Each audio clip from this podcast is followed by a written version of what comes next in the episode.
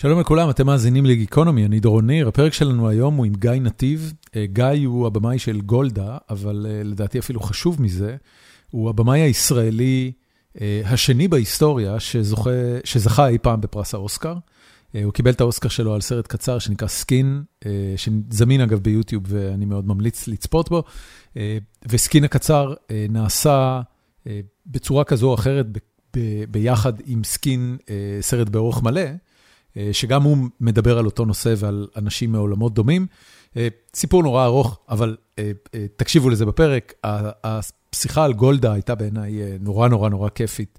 ראיתי את הסרט ממש בסוף שבוע האחרון, ומאוד נהניתי. אני חושב שזו עשייה קולנועית מאוד מיוחדת. ו... ודיברנו הרבה מאוד על איך נוצר הדבר הזה ואיך באופן כללי עושים סרטים היום בהוליווד ובעולם. אמ, בסוף הפרק לא תהיה חפירה, אה, ואני גם אה, לא אהיה פה בשבוע הבא, אז אה, נדבר שוב בעוד שבועיים. בינתיים, תהנו מהפרק, פרק 786 עם גיא נתיב.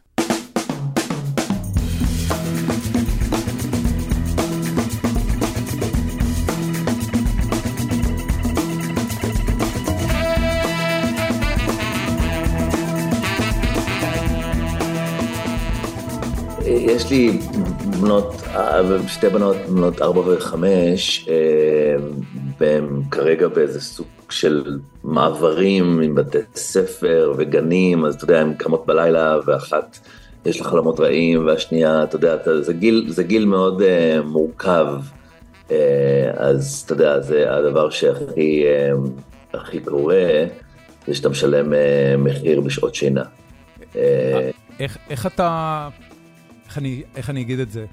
אה, איך אתה מצליח להיות נחמד באמצע הלילה? אתה יודע, אני מבין, אני, אני זוכר, אני, הילדים שלי כבר אה, יותר גדולים, זה 12 ו-14, ו, ואני זוכר דווקא את השנתיים הראשונות בתור שנתיים קשוחות יחסית, אה, בקימות לילה ועניינים כאלה, ו, ואין לך ברירה אלא להיות נחמד לגבי זה, כי... כי... אבל בגיל 4-5 זה, זה לא כאילו אוטומטית, לכי כבר לישון? לא, תראה, אני, אני הצד הרך בזוגיות אה, עם הבנות, הבנתי. אז אני ישר מתמסר, אני... I'm too soft. זה, זה קשור לזה שהן בנות? אשתי יותר, אה, אתה יודע, אה, מה אתה אומר? שאלתי אם זה קשור לזה שהן בנות. זה קשור לזה שהן בנות, אני חושב שכן, אני חושב שגם, אתה יודע, זה daddy's girls, in a way, ואני מאוד מחובר אליהם, ואני נורא, אני צריך, אני צריך יותר, אתה יודע, יותר קשוח מולם, אה, ולכן אשתי, אשתי עושה את זה בצורה מושלמת. אה, אם אני לא מצליח, היא פשוט באה ואומרת, כולם למיטות עכשיו, ואז זה קורה. אז אתה יודע, אז זה, זה המחיר שאני משלם על אה, להיות פשוט יותר סוף. אני לא ידעתי שיש לי את הצד הזה, אתה יודע, אבל איכשהו הבנות מוצאות ממני את המקום המאוד רך הזה, והלא לא שוטר, לא, אתה יודע. כן, אני יודע. עוד אוכף. כן. אני, לי, יש בן ובת, ביחסים עם הבן, אני מאוד רואה את עצמי. ובגלל שאני רואה את עצמי, אז, אז, אז גם קל לי לאכוף, קל לי להיות uh, האיש הרע, כי אני יודע מה מסתובב בתוך המערכת, כשהוא עושה כל מיני דברים ש, ש, שהוא לא אמור לעשות. Uh, עם הבת שלי אני לא, אתה יודע, אני לא מבין את כל המערכת. זה כמו שפה זרה ופלנטה זרה. ואז אני גם באופן טבעי הרבה יותר זהיר, וגם, אתה יודע משהו, יש אולי טיפה שוביניזם סביב העניין הזה. אמ, הנטייה המיידית שלנו היא להיות יותר קשוחים עם בנים מאשר עם בנות. Mm, מעניין מה שאתה אומר, לי אין בנים אז אני לא יודע, אבל... אה, אולי עוד יהיו. כן, כן, אני שתי בנות, אז אה, אתה יודע, זה ממש לא, אני לא יודע איך זה מרגיש, אבל מעניין, מעניין מה שאתה אומר. תגיד, במרחב שבין אה, לטפל בהצלחה של גולדה ובקידום של הסרט, לבין העבודה על הסרט הבא שלך, שאני רואה בסושיאל מדיה שאתה מפרסם כבר פוסטים ו... ועושה טיזרים, אתה, גיא מצביע על אה, לוח שנמצא מאחוריו, אה, ומה זה, זה ה breakdown? זה סרט חדש, זה, זה משהו שאני כותב עכשיו, אז זה breakdown של כל הסצנות, אה, של בעיקרון, אתה יודע, זה מלאכת מחשבת כזאת, אתה צריך... לשבור את, ה, את הסיפור ולראות איך אתה רואה אותו, לעצום עיניים, פשוט לראות את, ה, את מה ההבדל בין, כאילו מה בלוח הזה, מה זה טקסטים שכתובים באדום וטקסטים שכתובים בכחול? אני חושב שזה, מה שאתה רואה כרגע זה הפלשבקים שכתובים בכחול. אוקיי. וזה ה-real time של מה שכתוב באורנג', אבל בעיקרון זה, זה, זה אתה, אתה שובר את כל המהלך הסיפורי על הלוח הזה, ואתה צריך כאילו לעצום את העיניים ופשוט לראות את הסרט בראש. כאילו לערוך אותו כבר אצלך, וכשזה כן. קורה אז אתה יכול לצעוק הכל על, ה, על המחשב. אז, ואז... אז, אז אתה, לא, אתה לא מתיישב לכתוב אה, אה, דיאלוגים וסצנות לפני שיש לך את כל המבנה? כן, זה כמו, בעצם הוא סוג של עוגה, אתה יודע, אתה שם את ה... את ה basics, ואז אתה שם את כל ה ingredients הנוספים, אה, ואתה לא מתיישב, אני, אני לפחות, זה כל אחד, ואתה יודע, יש כאלה שישר כותבים דיאלוגים, אבל אני צריך את היסודות שלי, את ה-DNA של מה שאני כותב, ואז ליצוק לתוך זה את כל הדיאלוגים. עשית את זה גם על גולדה ועל סקין? גולדה לא אני כתבתי. אוקיי. אה, ניקולס מרטין שהוא תסריטאי בריטי, אה, כשאני הגעתי לגולדה זה היה תסריט אחר לחלוטין, זה היה מין סרט מלחמה מנופח אה, של 80 מיליון דולר עם סצנות קרב מטורפות של טנקים בעמק הבכה ובחזית הדרומית ו-20 אחוז גולדה. אה, וזה היה בכלל סצנה אחת לסקין, כן, עשיתי את התהליך הזה, כי אני כתבתי תסריט, בהחלט. הבנתי. בסקין, בסרט הקצר, היה לך את אה, שרון מימון, אם אני לא טועה? אה, נכון. שכתבתם ביחד, ובמעבר לפיצ'ר, איך זה קרה? אז האמת היא שזה היה הפוך. אני הגעתי הברית אחרי חמש שנות long distance relationship עם ג'יימי. אה, התחתנו וג'יימי נכנסה להיריון וככה עשיתי את המעבר הזה המאוד דרמטי לארצות הברית אחרי שכבר הייתי בפלואו שלי אתה יודע ב- בישראל אה, עשיתי פרסומות ביימתי פרסומות ועשיתי סרטים אה, ואתה יודע באתי עם הסרטים הישראלים שלי ועם מה שיש לי לארצות הברית. ו... אני, אני, גיא, אני סליחה, אבל אני חייב לעצור אותך. אמרת חמש שנים long distance relationship? עם עם, עם בחורה ב-LA, ואתה במאי שחי בישראל. כן. וואט? כן, כן, לא, זה היה מטורף, היום, אתה יודע, עשינו את זה גם עוד לפני הוואטסאפ, אתה יודע, עוד לפני שהיה וואטסאפ ולפני ש... אז כאילו, אמ, באמת בזבזנו, לא בזבזנו, אבל אתה יודע, אה, אה, שמנו אלפי, אלפי דולרים על שיחות טלפון אה, בינינו. איפה בכלל הכרתם? הסוכן שלי מוויליאם מוריס בזמנו, ראה את הסרט זרים, שהייתי איתו בסנדנס, הוא בא אליי, הוא החתים אותי, ואחר כך הוא אמר, תשמע, יש לי, אה, אני, אני יוצא עם מישהי שאחותה היא שחקנית יהודייה, היא מגיעה לארץ, אה, והיא רוצה לפגוש אנשים, אתה יודע, מה, מהביזנס. ונפגשנו פעם ראשונה, והיה חיבור טוב. בן כמה היית אז? זה היה לפני איזה 15 שנה. היית בן 16? אפילו יותר. ואז... לא, רגע, באמת, בן כמה היית? לא שמעתי את התשובה. הייתי, רגע, אם אני היום בן 50, לפני 15 שנה. אמרת שאתה בן 50? אוקיי, גם אני. למה שתיקה? לא, אחי, אתה יודע, אני גאה בשיער שלי יש על הראש, אבל לך אין שיער של בן 50. הייתי בן 35, אני חושב שפגשתי. אוקיי, אוקיי, הכל בסדר. אתה לא נראה בן 50, בשום צורה. אני מאוד מעריך את זה.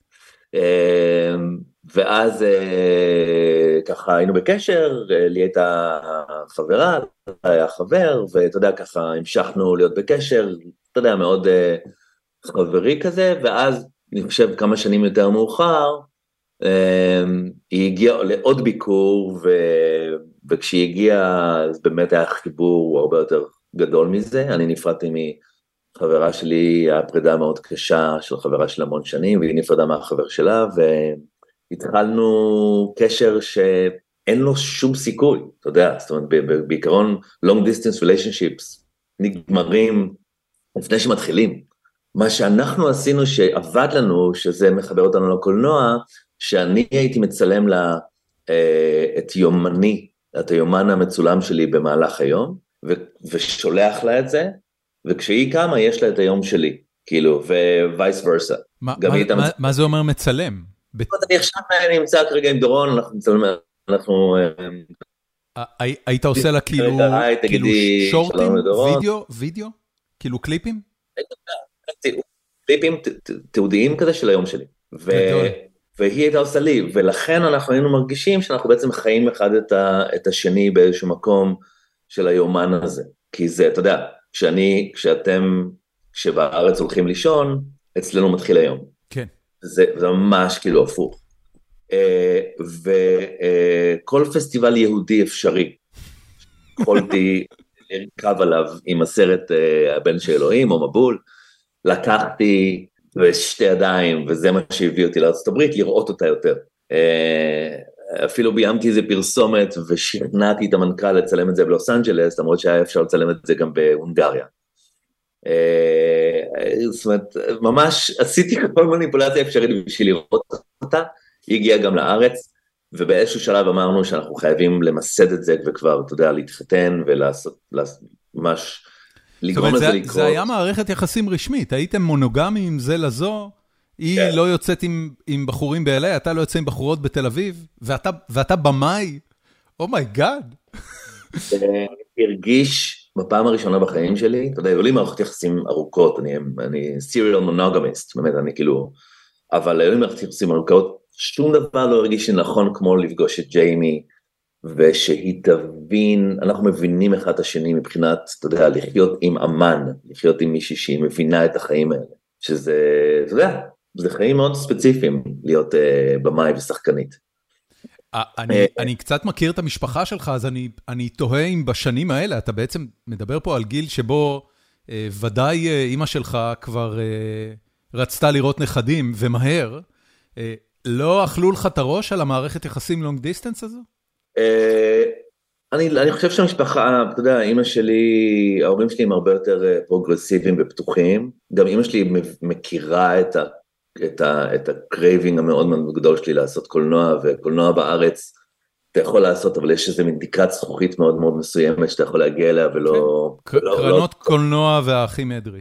כן, למרות שזה, שוב, זה, זה מדהים מה, שה, מה שאנחנו מייצרים בארץ, אני רק חושב שכאילו יש איזה סוג של, אתה יודע, אתה רוצה לפרוץ את זה, אתה רוצה כאילו לעבוד עם שחקנים בינלאומיים ולהתחיל לעשות הפקות ביותר כסף וביותר תקציב ויותר אופציות. אז כשהגעתי לארצות הברית, בסופו של דבר, וזה חוזר לשאלה שלך, אה, הייתי באיזה לימבו, כי אה, ישבתי בתל אביב בבית קפה לפני שעשיתי את המעבר הזה הסופי, קיבלתי את הגרינקר שלי, ופתאום ראיתי את, את הכתבה הזאת ששינתה את החיים שלי. הכתבה הזאת בעצם הראתה לי, אה, ב, ב, אני חושב שבעיתון הארץ, אה, skinhead ניאו-נאצי, אה, שפניו אה, מקועקעות, ואני רואה את הטרנספורמציה שלו בתמונות, איך הבן אדם הזה הופך ממקועקע, מפחיד, monster, לבן אדם רגיל לחלוטין, נורמטיבי. אמ, ולמעלה כתוב הניאו-נאצי ששינה את, אה, את אורו ואת חייו. וקראתי את הכתבה ואני, I was blown away by this story, כאילו זה היה ממש הולי שיט, זה הסרט האמריקאי הראשון שלי. עכשיו, זה היה בתקופה שהילרי הייתה אמורה להיות נשיאה. ניאו-נאצים בכלל לא היו, הם לא היו בכותרות, בכלל לא היה משהו שמתייחסים אליו כמשהו, כנושא. Uh, שלחתי את הכתבה לג'יימי ואמרתי לה, I think this is my first American movie. והיא אומרת לי, holy shit, I'm so into it, it's amazing, let's do this. ואז היא באה מ... Uh, uh, היא צילמה סרט או סדרה בקנדה, אני באתי מישראל, נפגשנו בניו מקסיקו, איפה שבריין ויידנר ואשתו חיים, ולקחנו איזה מוטל 5 או מוטל 6 או whatever, ישנו שם ופשוט נפגשנו עם הזוג הזה הבאמת אקצנטרי, אה, ובמשך סוף שבוע פשוט עשינו מין אה, חיבור מטורף עם אה, ניאו-נאצי שמעולם לא פגש יהודים. אקס ניאו-נאצי. הוא לקח אתכם ל... ל... זאת אומרת, הוא, חיבר אתכם לקהילה הנאצית המקומית? לא, כי... הוא, כבר בחוץ? הוא, הוא היה מוקצה מהם? הוא כבר בחוץ, הוא עשה את הטרנספורמציה שלו, כן. הוא היה מודיע של ה-FBI, הבנתי, הוא, אוקיי, אוקיי. היה בחוץ. אבל הוא עדיין חי בפחד שיהרגו אותו. כי אתה יודע, הוא בגד בכת הזאת. ברור. ואנחנו נפגשנו איתו, ואחרי סוף שבוע מטורף, הוא נתן לי את זכויות החיים שלו על מפית, כתב לי על מפית משהו, אני הלכתי כמובן לעורך דין שלי מיד עם הדבר הזה, ומאותו רגע ישבתי, I sit my ass on the, אתה יודע, every day, כמו תלמיד ישיבה כזה, וכתבתי את התסריט האמריקאי הראשון שלי, שקוראים לו סקין. עכשיו, כשסיימתי לכתוב אותו, הייתי כבר, כבר גרתי פה באיזשהו מקום, אה, אה, שלחנו את התסריט הזה ל-50 מפיקים. מכולם קיבלנו את אותה תשובה. רגע, אתה בעצם אומר, קודם כל כתבת את הפיצ'ר המלא. זה, יפה. זה, זה פיצ'ר... פיצ'ר המלא לכל דבר. עם איזה תקציב משוער רצית בשבילו? היה מין אה, אינדי של האינדי, של שניים וחצי מיליון דולר, okay. אוקיי. שלוש מיליון דולר, okay. שלושה מיליון דולר. כל מפיק שקרא את זה, אמריקאי, אמר לנו, אחלה תסריט, יופי של סיפור, אבל ניאו-נאצים בארצות הברית זה כמו לכתוב על, אה, לא יודע, זה משהו מאוד לא, שלא קיים כמעט. אה, למה להשקיע כסף בקבוצת אנשים שאף אחד בכלל לא אכפת להם ממנה? הילרי הולכת להיות נשיאה, הכל מאוד פרוגרסיבי, יפה ומקסים. אה, למה לעשות סרט עליהם? כאילו מה, למה? כאילו תן לי, מכולם קיבלנו את אותה תשובה, והיינו נורא מתוסכלים, אני בכלל, אתה יודע, הגעתי לארצות הברית וכלום לא קורה.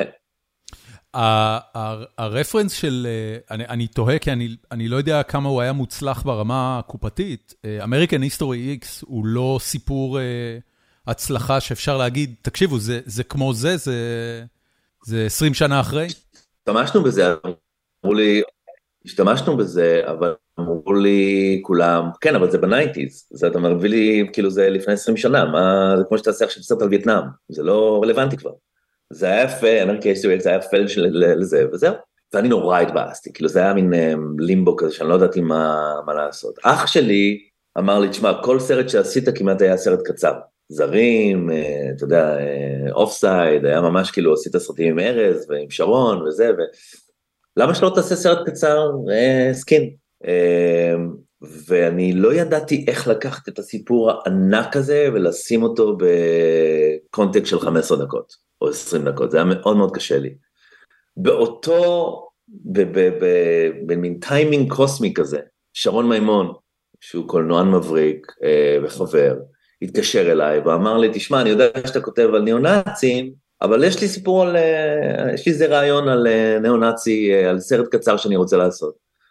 ואני רציתי להציע לך לכתוב איתי את זה. ואמרתי לו את הסיפור שלי, של מה הסרט המלא זה, והוא הביא את הרעיון שלו, שהוא ה-DNA של הקצר. ואמרתי לו, אוקיי, בוא, תשמע, בוא נכתוב את זה בוויקנד, אני חושב שיש לנו פה איזה מין משהו שאפשר לצעוק לו, ואני וג'יימי נממן את זה, ואני, אני, אתה יודע, אני אביים את זה, והוא אמר, הייתי יכול לביים את זה איתך, אבל אני פשוט, יש לי עכשיו פיצ'ר שאני הולך לביים, אה, אז אני לא יכול להגיע, אז אמרתי לו, אנחנו מוכנים עכשיו לעשות את זה, כאילו ממש לצלם את זה עוד שבוע. וכתבנו את התסריט הזה, אני חושב שבסוף שבוע, וצילמנו את זה פה ב, ב, בחצר האחורית שלנו.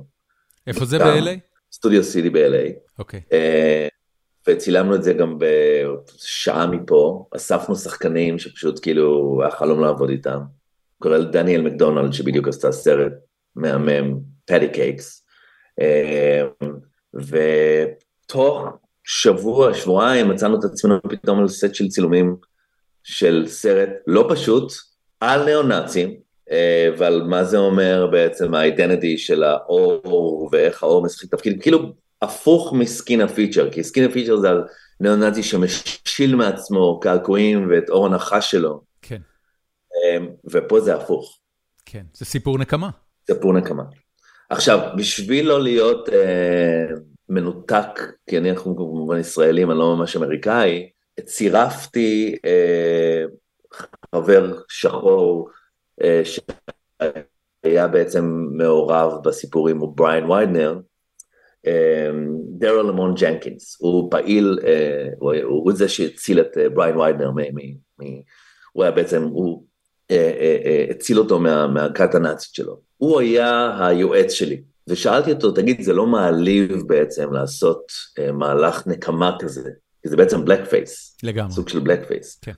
הוא אמר לי, on the contrary, I think it's cool, because this is a cool revenge that I would do to someone like that, because you never know how it feels to live as a black person in America, if you're כן. not black. כן. הוא נתן את ההכשר. אה, הפוליטיקלי קורקטי. לסרט הזה. ורק אז, רק כשהיה לנו את ההכשר הזה, יצאנו לצלם והיה בעצם... אה, עד היום, אתה יודע, קהל לבן אמריקאי מאוד מרגיש כאילו לא נוח עם הסרט הקצר, וקהל שחור אומר, fuck yeah, this is cool, you know? This is a cool revenge. כן. אמ, ידענו שזה באמת, שאנחנו בדרך הנכונה, כשספייק לי בא אלינו באחת מסיבות לפני האוסקר ואמר, היי, I voted for you, cool, you made a cool film. פה ידענו שאנחנו, שאנחנו בעצם במסלול הנכון. אז, אז הפיצ'ר קרה בעקבות, זאת אומרת, כשהסרט הקצר היה מוכן וערוך, שלחנו אותו שוב פעם לכל המפיקים שאמרו לא. בינתיים טראמפ, אה, אתה יודע, נבחר, אה, שרלוטסוויל קרה, כל הדריסה המטורפת הזאתי, טראמפ יצא בהצהרה, יש טובים ורעים בכל, יש גם ניאו-נאצים טובים ויש ניאו-נאצים רעים, כן. גם את המשפט הנורא הזה. קיצוני משני הצדדים. ניאו-נאצים לא היו איזה חבורת הזויים שמוצאים בזה, פתאום זה היה, הם היו uh, Jews will not replace us, אם אתה זוכר את ה... כן, את כן, ה- כן. כל הדבר הזה, וזה פתאום קיבל אה, איזושהי הצדקה לטרולי סטיילר ולסטינג, המוזיקאי, להגיד, יש פה משהו, ואנחנו שמים את הכסף שלנו בתוך הדבר הזה. זאת אומרת, ואז, זה, זה, זה, מאיפה היה הקשר איתם? אז הסוכן שלנו מ-ICM אה, שלח את זה לכל מי שהוא מכיר. אורן מוברמן, שהוא אה, קולנוען מהמם ואיש מקסים וחבר, ובאמת אה, אה, אמר, אני בפנים. אבל אני עדיין לא יודע איך להביא לכם כסף לדבר הזה. טרודי סטיילר קיבלה את זה לקרוא, כי היא מפיקה, והיא, טרודי אה, וסלין, אה, שהן עובדות ביחד, אה, טרודי אשתו של סטינג, הם קיבלו את התסריט ואת הסרט הקצר. עוד אוקיי. לפני שהסרט הקצר יצא לפסטיבלים בכלל, עוד לפני המסע שלו. אמ, ואז הם פשוט ראו את הקצר, קראו את התסריט ואמרו, we're in. וסטינג ראה את הסרט הקצר ואמר, זה masterpiece, אני רוצה שת... להשקיע בדבר הזה. מעניין מאוד. ומפה, היינו ב upstate ניו יורק, עם ג'יימי בל, אמ, כשבעצם הסרט הקצר רק מתחיל את המסע של הפסטיבלים שהוא לא התקבל אליהם, כי אמרו לנו לא, לא, לא, לא, לא. אה, ופסטיב... וכשסיימנו את הארוך, התקבלנו לטורונטו, היינו בטורונטו, ורק אז קיבלנו ידיעה משמחת שהסרט שלנו התקבל לפסטיבל קטן בלוס אנג'לס בשם הולי שורטס, שבעצם אה, הסרט זכה שם, וזה מאפשר לנו לשלוח אותו לאוסקר, כי הוא זכה בפסטיבל הקטנצ'יק הזה. עכשיו, כל השאר אמרו לנו לא, סנדנס, קאן, ונציה, אה, ברלין, פסטיבל שהייתי בו עם כל הסרטים שלהם, אמרו פשוט no, no, no, no, no. אתה חושב שהלא היה בגלל הפוליטיקלי קורקטנס? זאת אומרת, זה היה קשה להם? כי, כי הסרט, לפחות ברמה העלילתית, הוא, הוא באמת מבריק, הוא revenge story חמוד, קטן, קומפקטי, סופר הדוק, מצולם אה, נהדר, משוחק נהדר. הדבר, הסיבה היחידה שבגללה אני חושב שפסטיבלים יכולים לפסול אותו, זה בגלל שלא נוח להם עם, ה, עם העניין הפוליטי. אני חושב שזה היה שילוב של שני דברים.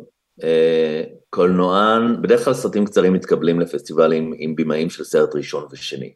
זה אה, פלטפורמה שנותנת בעצם כל אה, אפשרות או, או, או אור ירוק לבימאים שפעם ראשונה משיקים את הסרט הקצר שלהם. ואפשר להבין את זה, אתה יודע. אה, אם אתה רואה את כל סרטי כאן או כל סרטי הסרטים הקצרים, אתה בדרך כלל רואה בימאים של, של, שהתחילו את דרכם. Um, הדבר השני זה באמת הפוליטיקלי קורקט, קצת הביך אותם, אני חושב שהם לא חשבו שזה משהו שהוא, הם היו קצת בשוק מה, מהדבר הזה, והם ראו בזה אולי סרט מעליב, uh, מאשר סרט שבוחן את, ה, את העניין הזה. זאת אומרת, אם במאי שחור למשל היה מביים את הסרט הזה, אני חושב שהייתה להם uh, uh, גישה אחרת. מעניין שאתה אומר את זה. זה, זה, זה, אתה בעצם אומר לי, יש מצב שהם ראו את הסרט, ואז הם הסתכלו על הפרצוף האשכנזי הלבן שלך, וזה מה, ש, זה מה שהוריד להם מהאפשרות שזה יזכה, ואתה תעלה לבמה בתור uh, במאי uh, יהודי אשכנזי לבן שזוכה בפרס על, על סיפור נקמה שחור? יש מצב, אני לא יודע, אבל יש מצב כזה, אבל הדבר המצחיק הוא שאחרי האוסקר, כן. כל הפסטיבלים אמרו לא, אמרו כן. כן, ברור. Um, אני חושב, אני חושב שחצינו את 400 הפסטיבלים שהתקבלנו אליהם. זאת אומרת, הסרט הזה עשה יותר פסטיבלים מכל סרט אחר שעשיתי אי פעם, um, והוא היה בכל פסטיבל אפשרי. זאת אומרת, אותם אנשים שם... אני, אני רק אגיד לך שגם אה, אה, הסנדק אה, נחשב לפוגעני מבחינה תרבותית כשהוא רק יצא, וכל הקהילה האמריקאית-איטלקית שנאה אותו וטענה שזה לא מייצג אותם. דובר קוזשווילי אכל את אותו חרא עם הגרוזינים בארץ כשהוא עשה את הסרטים הראשונים שלו, הגרוזינים התעצבנו שלא ככה צריך להציג אותם, וזה בכלל לא מתאר את הקהילה. אז כאילו, מהבחינה הזאת, ייצוג תרבותי בסרטים הוא תמיד נפיץ. בייחוד עכשיו. נכון. זאת אומרת, אתה רואה את אה, גולדה יהודייה, לא יהודייה, עד היום, יש, עכשיו קיבלתי אה, מה-BBC, עשתה רעיון ב-BBC ביום ראשון, השאלה הראשונה שהיא קיבלה היא כאילו, how do you feel about being not Jewish portraying a Jewish character. כן, מעניין שלא, מעניין שלא עשו לה, לא עשו לה חיים קשים על הפרוסטטה של האף. אה, גם, נכון, אני חושב שאת זה לקח, את זה לקח ברדלי קופר כבר, אבל... כן, הוא קיבל את זה. לשנה הזאת לפחות, שנה הבאה יש מקום לאחד חדש. מי שתשחק את ברברה סטרייסן בביופיק שלה. בדיוק. איך הגעתם אה, להלן מירן? כשאני הגעתי לביים את הסרט הזה, זאת אומרת, זה היה בעצם פרויקט של אמזון, פרויקט מטורף של 90 מיליון דולר, אמרתי לך, זה משהו שהוא סרט מלחמה מטורף. אני הגעתי,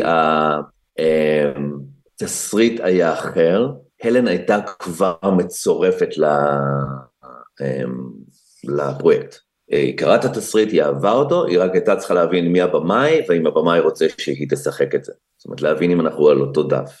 אמ, כשאני שמעתי הלן מירן, אני כמובן אמרתי, בריליאנט, like a brilliant idea, אני רק צריך לפגוש אותה, לראות אם כאילו מה, מה היא מרגישה, כי כי עכשיו תסריט הייתה לי בעיה אחרת איתו, הוא היה מאוד מאוד בריטי כזה, oh really, send the troops to the Golan and have all the soldiers, זה היה מאוד מאוד מנותק מההוויה הישראלית, אמרתי אני חייב להיכנס לשם ולעשות שם עבודה. מהר מאוד הקורונה התפרצה וכל התקציב הזה פשוט נעלם. ואמזון הגיעו... למה קורונה אה, פוגע בתקציבים של הפקה? כאילו, אני יכול להבין בהתקדמות של הפקה, אבל למה זה דפק את התקציב? כי במקום, אה, כי ברגע שיש הולט אה, מטורף על הפקות, ואתה יודע, כל התעשייה נעצרת, ואי אפשר לצלם סרטים, והמחירים, ו... והמחירים של, אתה יודע, התקציב של לעשות סרט פשוט עולה בעקבות... תקנות קורונה? כן, אתה יודע, זה מייקר את ההפקה, אז פתאום כל האסטימיישן הוא לגמרי אחר. הבנתי. ואז גם, אתה יודע, אז, אז איבדנו את התקציב, אמזון אמרו לנו לא, אה, אחרי שהכל היה כבר, האמינו עוד שנייה, עוד שנייה על סט צילומים. אה, ופתאום מ-80 מיליון דולר, או 90 מיליון דולר, זה הפך להיות סרט של 14 מיליון דולר. אז איך אתה מביא מלחמה וסרט מלחמה עכשיו לסרט כזה, אז מה שהיינו צריכים לעשות בעצם לחתוך 90% מהתקציב ולעשות סרט שהוא אינטימי, אה, וזו, ו, וכאן אני בעצם דחפתי לעשות סרט שמושתת או, או, או יושב על סאונדים אה, של מלחמה, ולא לצלם את סרט המלחמה בחוץ, לעשות מן סרט שבעצם הוא סרט אינטימי מאוד קלסטרופובי, כן. שמתרחש בחדרי חדר. כל, אה, כל סצנות ש... המלחמה הקשות הם או footage אה, מלמעלה, או תמונות ארכיון של, אתה יודע, חיילים בשבי וכולי, או השיחות שמושמעות בקשר, ובעצם אתה, אתה, אתה טוחן את הבעות הפנים של... של המעורבים בזמן שהם מקשיבים לזוועה בקשר. וזה בעצם אה, הגיע מה, מהסרטים שאני גדלתי עליהם בשנות ה-70, השיחה של קופולה, שבעצם אתה רואה את ג'ין הקמן מקשיב לכל ומאזין לכל הנרטיב הזה שקורה בחוץ, מבלי לראות בעצם מה קורה בחוץ. כן. הדבר הזה, או למשל Blow Out של, של בריאן דה פלמה עם ג'ון טרבולטה, שאתה רואה שבעצם מקליט, הוא מקליט קולנוע, זה, זה, הוא ה sound man, והוא כן. בטעות מקליט גם רצח. כן, והרצח הזה כן, נכנס כן. לתוך הטייפ. שהם כולם מבוססים על אנטוניוני בכלל. נכון, של הבלואו-אאוט של אנטוניוני. נכון, אה, אני רוצה, אגב, אה, אה, בהקשר הזה, באחד הראיונות שלו, רון האוורד דיבר על אפולו 13, ואמר שהיה להם מאוד מאוד קשה בסרט לתקשר מאורע דרמטי. ה-CO2 פתאום עולה בחלל. אוקיי, ה-CO2 עולה, איך אתה מסביר לקהל שה-CO2 עולה זה דבר שיכול להרוג את האסטרונאוטים? אז הוא אמר שהפתרון היחידי היה פשוט קלוז-אפ על טום הנקס, עם פרצוף מודאג, ואז מה... וכאילו שהפרצוף לא ממש משתנה למודאג, ואז אתה מבין ש-CO2 עולה באפולו 13, אה, יכול להרוג אותם. אה, והוא אמר, זה, זה היה הדבר היחידי שעבד, הם ניסו כל מיני וריאנטים של איך לתקשר לצופים שדברים גרועים קורים להם, והדבר היחידי שהצליח זה קלוז-אפים על דמויות מודאגות ברגע שזה קורה. מה, קודם כל סרט נפלא. נפלא, נפלא, נפלא. מה שהוא עשה מדהים, שהיום לא היו עושים את זה, כי היום הכל CGI, הוא ממש לקח את, אה, את תום הנקס והחבר'ה בעצם לטיסת, כן. טיסת גרביטציה. נכון. ועשה מין איזה מין, אתה יודע, טס למעלה וטס למטה, ועשה מין כל מיני, היו להם איזה מין 20 שניות או 20 דקות של ללא גרביטציה, והוא צילם את זה. ו... זה אגב היום... מדהים, מדהים כשאתה רואה את הסרט, אתה, אתה, אתה יודע, ואני, ואני יודע שהם עשו את זה, הם עשו מאות טיסות זירו uh, ג'י כאלה, זה מדהים לראות שתום הנקס אשכרה מצליח לשחק אתה יודע, אני אומר, אוקיי, המטוס עכשיו נכנס לזירו ג'י, זה בתכלס אומר שהוא צולל, וכולם מתחילים לרחף בחלל בזירו ג'י, בפנים של הרקולס, שנראה כמו סט של, ה, של החללית שלהם, ואז הוא fucking צריך להתחיל לשחק, הוא צריך לתת מבעים דרמטיים. אני אומר, וואו, איזה, איזה מקצוען. טוב, יפה שאתה, שאתה זוכר. שאתה יודע את הדברים האלה, שאתה יודע את הפרטים האלה על הסרט הזה. אני לא, אני לא עשיתי גילוי נאות, אבל אני למדתי קולנוע בעצמי, אז... הייתה נקודה בחיים שלי שבה כל מה שרציתי לעשות זה סרטים, ולמדתי בקאמרה אובסקורה, ו, ולא אהבתי את זה בכלל. אני גם, גם אני בוגר קאמרה אובסקורה. אז... אה, באיזה שנה מראה... התחלת ללמוד? אה, וואו, אני מהמחזורים של 2002, 2003. 2002? עשר שנים אחריי בטח, לא? לא, אני הרבה לפניך. אני למדתי בקאמרה אה, מיד אחרי הצבא, שזה היה שנת, סליחה, אחרי הצבא, פלוס עשיתי קודם כל תואר ראשון באוניברסיטת חיפה, כי גרתי בחיפה, ואז עברתי לתל אביב ועשיתי קאמרה אובסקורה. לדעתי זה היה או 97 או 98. זאת הייתה השנה שלמדתי.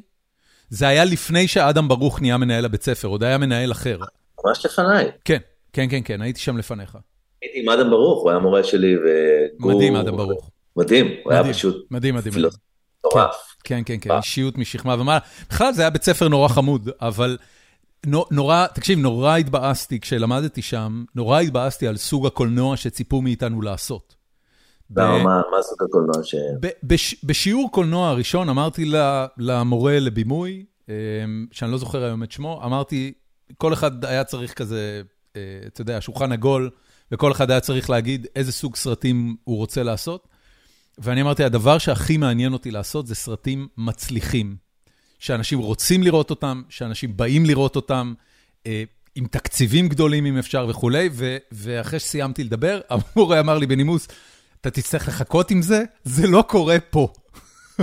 זה לא קורה ב, ב, במקום הזה שנקרא קאמרה אבסקורה. וההסללה הייתה באופן טבעי לדברים נורא, אתה יודע, אה, גל חדש, אה, דל תקציב איטלקיסט צרפתי. המורים שם היו מאוד מוכוונים אתה יודע, בוא... בעיניי, טעות בעיניי, כי אתה חייב לתת לתלמיד בקולנוע להביא את עצמו במקסימום... ברור שזה טעות. טעות כן. נוראית, אבל... אבל, אבל זה לא משנה, אני, אני כאילו הלכתי לאזורים אחרים, הלכתי בסוף לאזורים של משחקי מחשב ומדיה ו, והתעסקתי בדברים אחרים. אני לא הפואנטה. אני, תקשיב, אני, אני רוצה רגע לחזור כי אה, אה, דילגת... מה זה? שאלה, מה דעתך על באמת העיבוד הטלוויזיוני ל-Last of Us, בתור אחד שאוהב משחקי מחשב. קודם כל הוא מדהים, הוא מדהים, מדהים, מדהים, ויותר משהוא מדהים, אה, העובדה שניל דרוקמן, שהוא זה שיצר את המשחק, וביחד עם השותף שלו בנוטי דוג כתב, כתב את התסריט המקורי, הם עשו שם משהו שהוא באמת נדיר ונותן המון המון המון כבוד לחומר המקורי. אני אגיד בנוסף, The Last of Us בתעשיית המשחקים הוא, הוא יצירה מאוד מאוד לא שגרתית. משחקי מחשב, כי משחקי מחשב מעצם, מעצם אופיים, הם מאוד הירואיים. תחשוב, okay. על, תחשוב, על, תחשוב על ה-construct התרבותי שנקרא משחק מחשב, הוא בהגדרה דבר מאוד הירואי. אתה משחק דמות, הדמות הזאת היא גיבורה של מסע.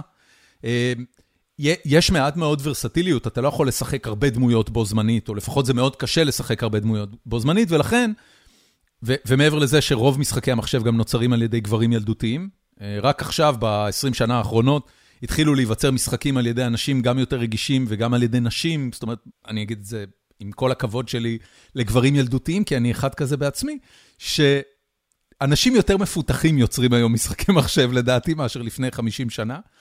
והתוצאה של הדבר הזה, שמשחקי מחשב הם מאוד, אה, מאוד גבריים ומאוד מצ'ואיסטיים, ו-The Last of Us היה כל דבר מלבד זה. הוא היה ניואנסי, והוא היה understatement, והוא היה קודר ומבאס רצח, ו- ובמובן הזה הוא פרץ הרבה מאוד uh, דלתות, שהיום תעשיית המשחקים חוגגת עליהם, ו- ונורא שמחה בהם, אבל הוא היה מהפכני לתקופתו.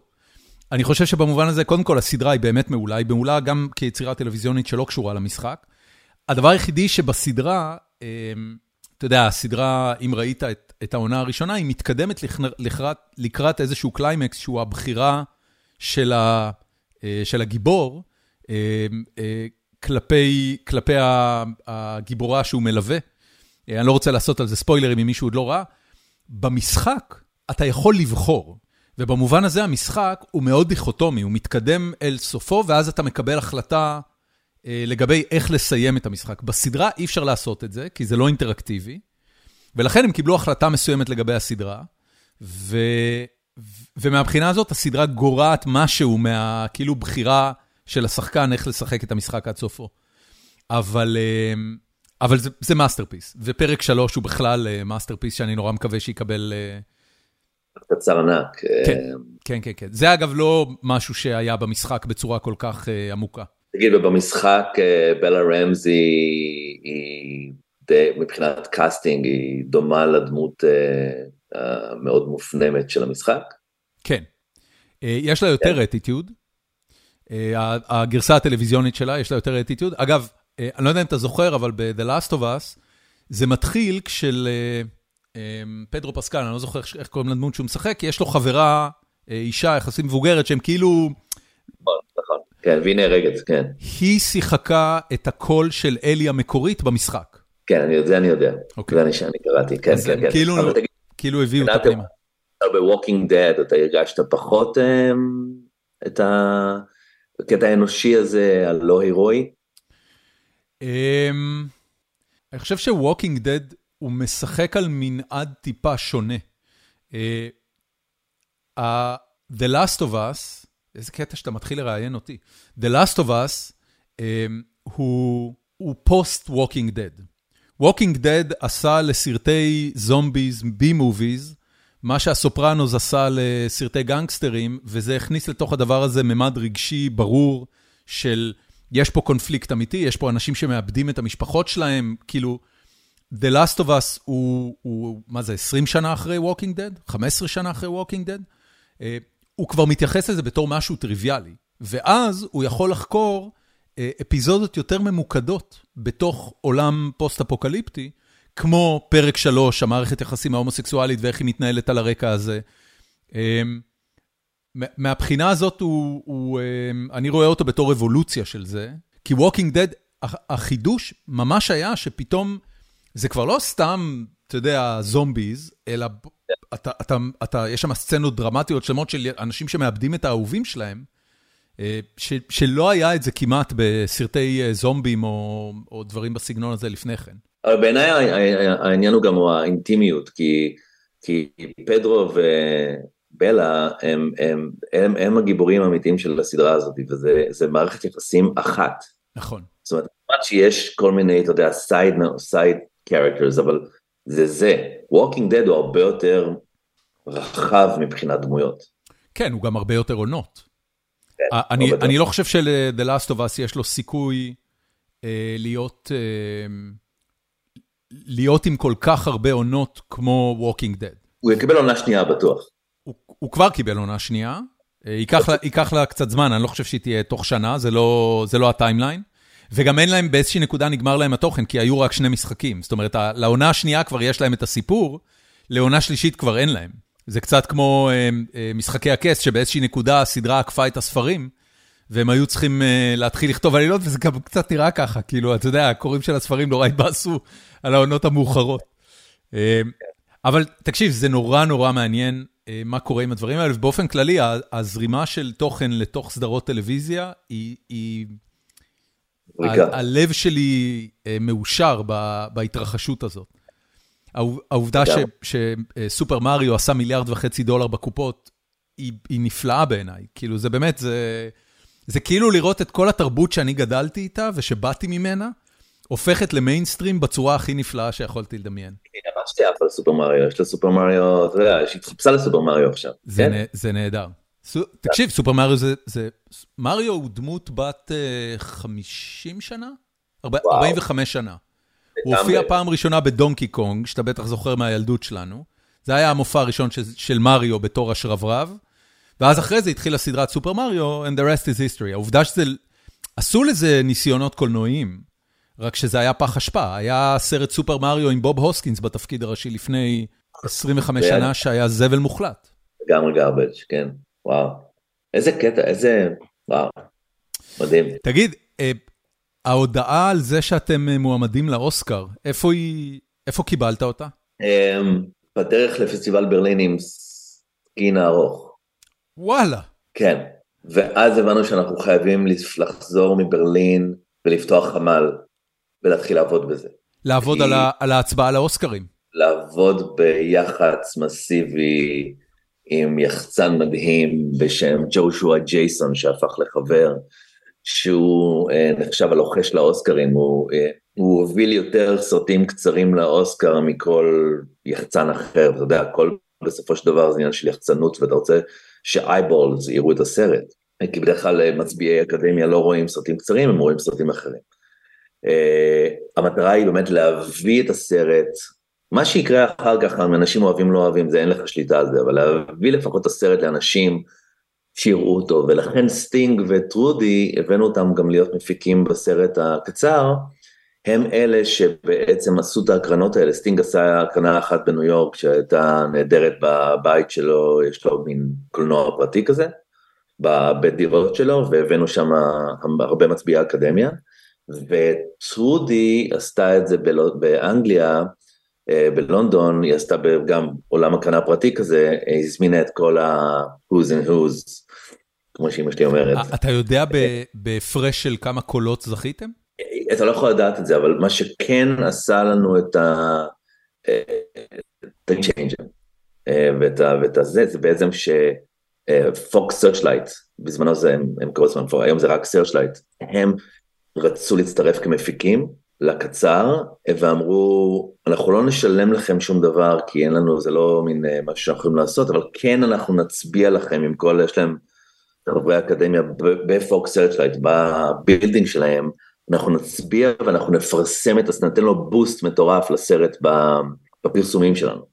והם קנו מודעות בוורייטי ובהוליווד ריפורטר ובכל המקומות האפשריים, קנו מודעות, שמו את המודעה הענקית של, של סקין, עשו הקרנות משלהם, ואני חושב שזה היה ה-game changer שהביא אותנו ל-photo finish, כי זה היה סרט, סרטים אחרים שככה לדעתי היו לפנינו. אני לא האמנתי שנזכה בכלל, בכלל אני באתי ואמרתי יאללה, let's enjoy the, the party, whatever happened, בכלל לא, אתה יודע, הכנתי נאום, היינו באמת, הייתי בסוג של, זה לא הולך לקרות, לא עם סרט כזה אקסצנטרי, מטורף, אלים ש, שחברי אקדמיה בעצם מצביעים ליותר דרמות רגישות, והיה אחד כזה אה, מקנדה, שמרגרט, שסרט כזה של אה, אישה מבוגרת, סיפור אהבה לסבי, משהו מאוד עדין ורגיש.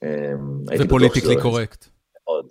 אתה בעצם אומר, יש איזו תודעה של האקדמיה לקולנוע, יש איזו תפיסה לגבי מהי התודעה של האקדמיה לקולנוע, אתה מתייחס לזה כמו איזה גוף ארטילאי, אבל אתה בעצם אומר, יש דברים שהם אוהבים, יש דברים שהם לא אוהבים, הם תמיד בוחרים בזה, הם לא בוחרים בזה, ומתוך המקום הזה, חשבת שאין לכם באמת סיכוי? זה מה שחשבתי, אבל אז בא סרט כמו פרזיטים, שהוא הכי לא politically correct, ולוקח את כל הקופה, או כן. סרט כמו Everything Everywhere All at Once, שפתאום כאילו משנה את חוקי המשחק, אז אתה לא יכול לדעת באמת, אין לך מושג, אוסקר זה משחק מאוד, אתה יודע, זה קנבס מאוד מאוד אה, לא צפוי, ממש לא צפוי. מה הדבר הראשון שעבר לך בראש ברגע שהודיעו שאתם זוכים? אני כל הזמן אומר שזה מין אה, הבר מצווה שלך, החתונה שלך והילד הראשון שלך בדליברי, הכל ביחד, בבוסט מטורף לתוך הגוף.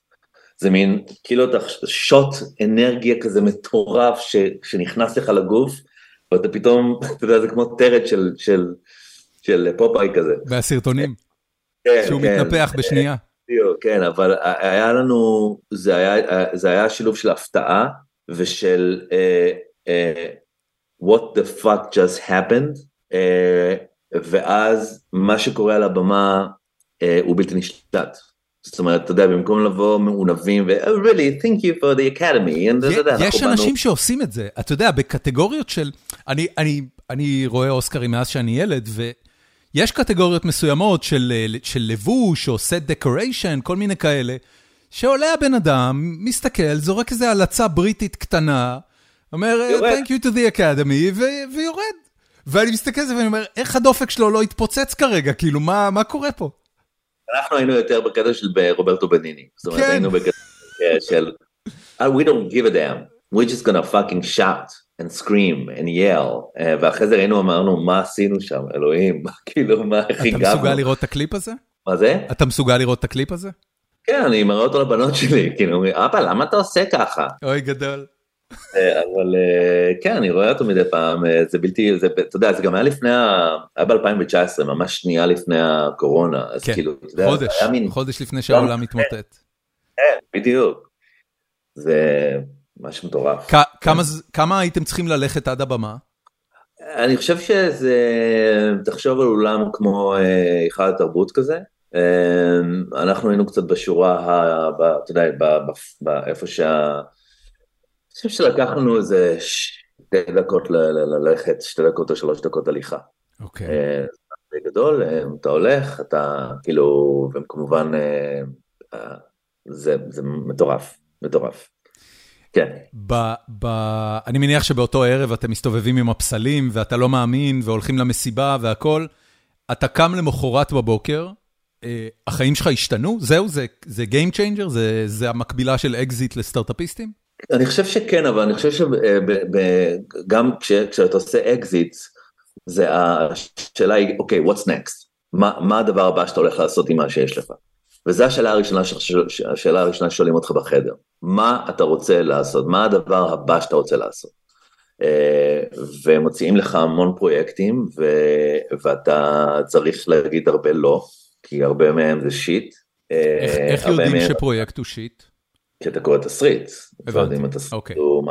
אתה, ואתה רואה שמי ש... אתה יודע, זה תלוי בפאקג' והרבה אתה אומר לא ואחרי זה אתה מתחרט, כמו סרט שאמרתי לו לא ואני ממש מתחרט, כמו ה menu, The Menu, שאני קראתי תסריט ואמרתי, אה, אני לא יודע אם זה כאילו, ואמרתי להם, אתה יודע, לא, ואז פתאום זה הפך לאחד מהסרטים הכי, שאני הכי אהבתי ב-2020. אתה, אתה חושב שאם אתה היית עושה אותו, הוא היה יוצא ככה?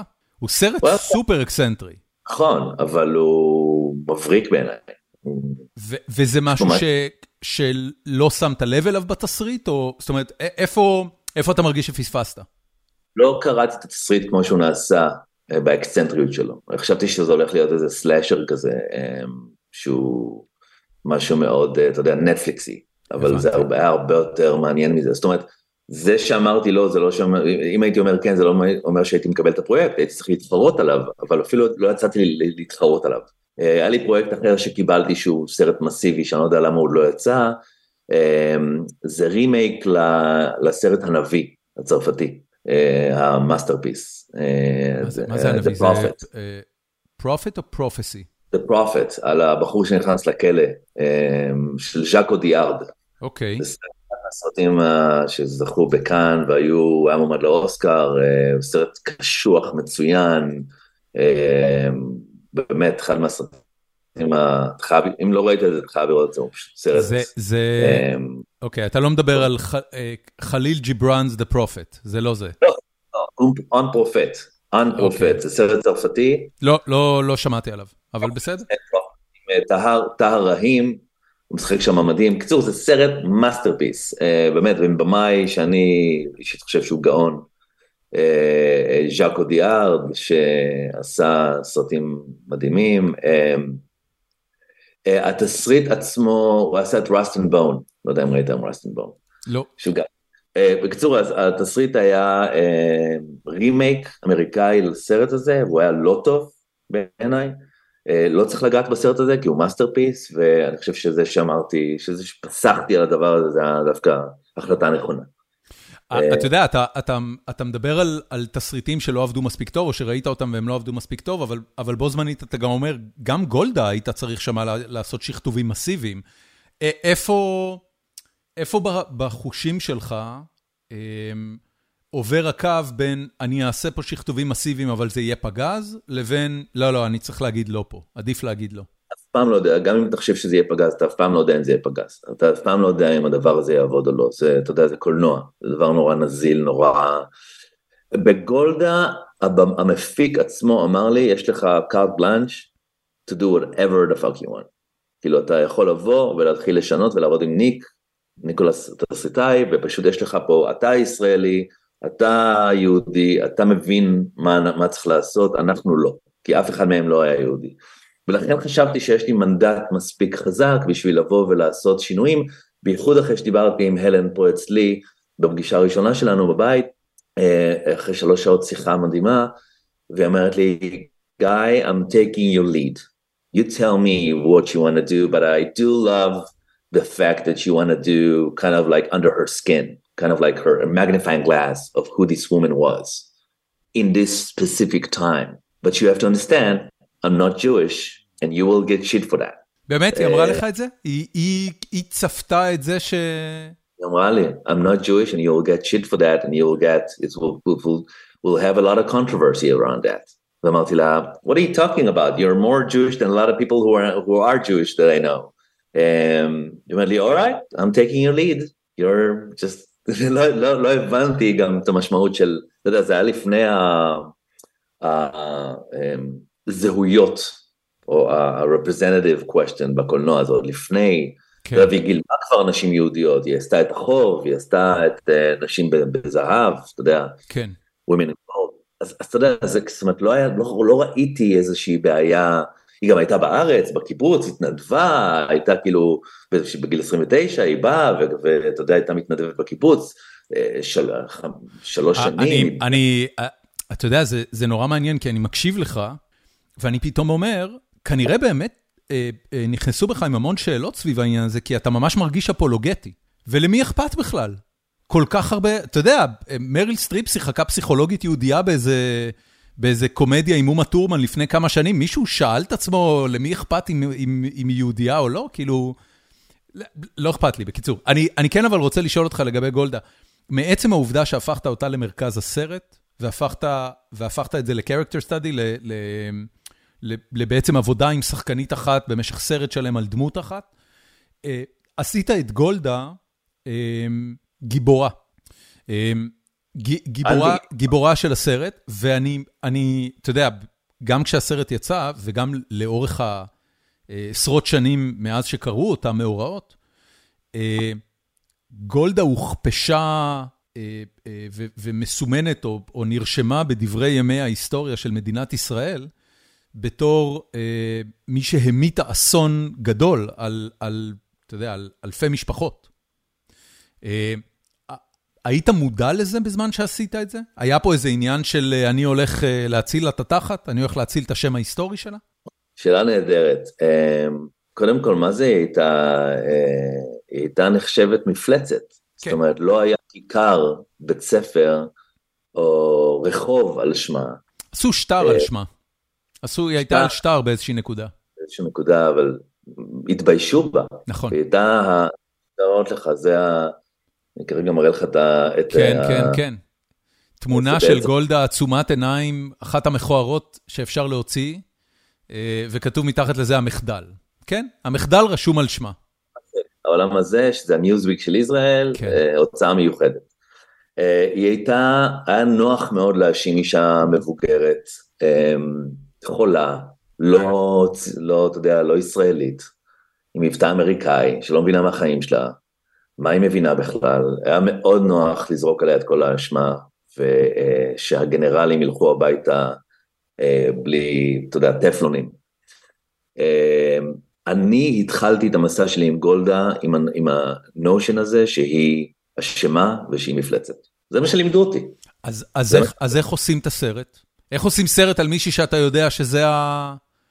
עושים תחקיר גדול ועמוק, ובעצם קוראים אלפי פרוטוקולים שהתפרסמו, ויושבים עם היסטוריונים, ויושבים עם אנשים שהכירו אותה, כמו אה, פרופסור מדזיני, שהיה הפרס סקרטרי שלה, וסיפר לי, הוא האדם היחיד שחי היום, שהיה יד ימינה, היה איתה ביחד, שסיפר לי את כל הצד ההיסטורי שלה, ואני מתחיל להבין שיש פה מחדלים מטורפים של גנרלים שקרסו, של שרים שקרסו, ואני מתחיל להבין פה שבעצם היחידה שלקחה את האשם זה היא. היא זאתי שלקחה את כל הבולטס, כל ה, וכל ה, אה, השם שלה התחבר ישירות למחדל הזה, והיא, לא, לא, והיא אמרה גם, היא גם אמרה משפט מאוד אה, מפורסם, I will always be remembered as the failure of the Yom Kippur War.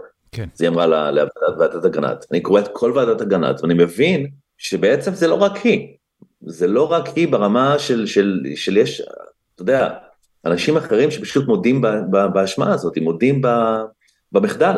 ומאותו רגע, כשאני מדבר עם הנכדים שלה, אני מדבר עם המשפחה שלה, אני מדבר עם עוד אנשים, אני מתחיל להבין שהאישה הזאת, בייחוד אה, בישראל של שנת 73, המסאז'ניסטית, הסקסיסטית, שבהם גנרלים מרגישים שהם חצי אלוהים, אה, גם מתנשאים מעל גולדה, כי חושבים שהיא כאילו מי בכלל, וגם זורקים אותה לפח האשפה של ההיסטוריה. זאת אומרת, כי היא בעצם לא רצתה להיות ראש ממשלה, אתה יודע, היא, היא נזרקה לשם. אה, היא בעצם נדחפה לשם. כי היה בעצם, אה, אתה יודע, המערך או זה, לא ידעו, במפלגת העבודה לא ידעו בעצם את מי לשים, בדיין, אותו, היו ויכוחים, אתה יודע מה, שלח אותה לאיזה כמה שנים ואז כן, נחליט. היא הקלאודיוס של אה, ממשלת ישראל. לא, בדיוק. כן. אז, אז מפה ניגשתי לפרויקט הזה, עם, עם, ה, עם התודעה שאני חייב לפחות לשנות את ה... את ה להביא את, ה, את הגולדה האנושית. זאתי שאכפת לה, זאתי שבוכה, זאתי שצוחקת, זאתי שאתה יודע, יש לה הומור, יש לה... כי עד אז היא פשוט הייתה one dimensional character. העובדה שזה יצא בשנת החמישים למלחמת יום כיפור, פשוט יצאה ככה מבחינת הלו"ז של ההפקה, או שמראש זה היה אמור, זה היה מכוון לשם? לא ידענו, כי הסרט הזה היה אמור לצאת הרבה לפני, אבל צילמנו ב-2020, היה אמור לצאת ב-2021, אבל זה לא היה, אתה יודע, זה פשוט יצא ככה. מעניין. קוסמי. אני רוצה לשאול אותך שתי שאלות על דברים שקורים בסרט, ואני אומר מראש למי שמאזין לנו, אם לא ראיתם את הסרט ואתם לא רוצים ספוילרים, בבקשה תדלגו כמה דקות קדימה, כי אני הולך לשאול דברים בתוך הסרט עצמו. אה, קודם כל, יש שם, אה, ממש לקראת הסוף, יש שם קטע שצבי אה, זמיר, אה, מספר לה על הפלטה של אלי זעירה, אה, ראש אמ"ן, אה, בכך שהם לא האזינו לקשר, ולכן גם לא, לא ידעו שהמלחמה הולכת לפרוץ. והיא אומרת שהיא תיקח את זה על עצמה. זה עובדה היסטורית, או שזה סצנה שאתה אה, שמת שם בעצמך? תראה, קודם כל זה קולנוע, אז בקולנוע אתה עושה narrative stretch. אוקיי. Okay. כמובן שאמרו לה, בישרו לה שהאמצעים המיוחדים לא פעלו. שזו הייתה פלטה של זעירה. היא כן אמרה, אני לוקחת את זה על עצמי לוועדת אגרנט. זאת אומרת, היא כן אמרה, it's on me. אוקיי. Okay. זה עליי. ולכן היא גם התפטרה, לא מיד, כן. הרי השביעו אותה אה, לראש הממשלה שוב פעם, אבל היא לא יכלה לעשות את זה. כן. והיא אמרה, אני לא יכולה לקחת את, את הדבר הזה עליי. הדבר השני, זה שיש שם איזה קטע שהיא היא, היא קצת מאבדת את זה וצועקת, אני פוליטיקאית לא אשת צבא, ומסתגרת בחדר שלה. ו, ואתה יודע, זה, בנוסף לעוד כמה דברים במהלך, ה, במהלך הסרט, אמ, לא עושים באמת אה, הרואיזציה שלה. זאת אומרת, היא באמת מוצגת שם בסיטואציות מסוימות כמישהי שלא לא הייתה מרשימה, לפחות כמו הגברים שסביבה.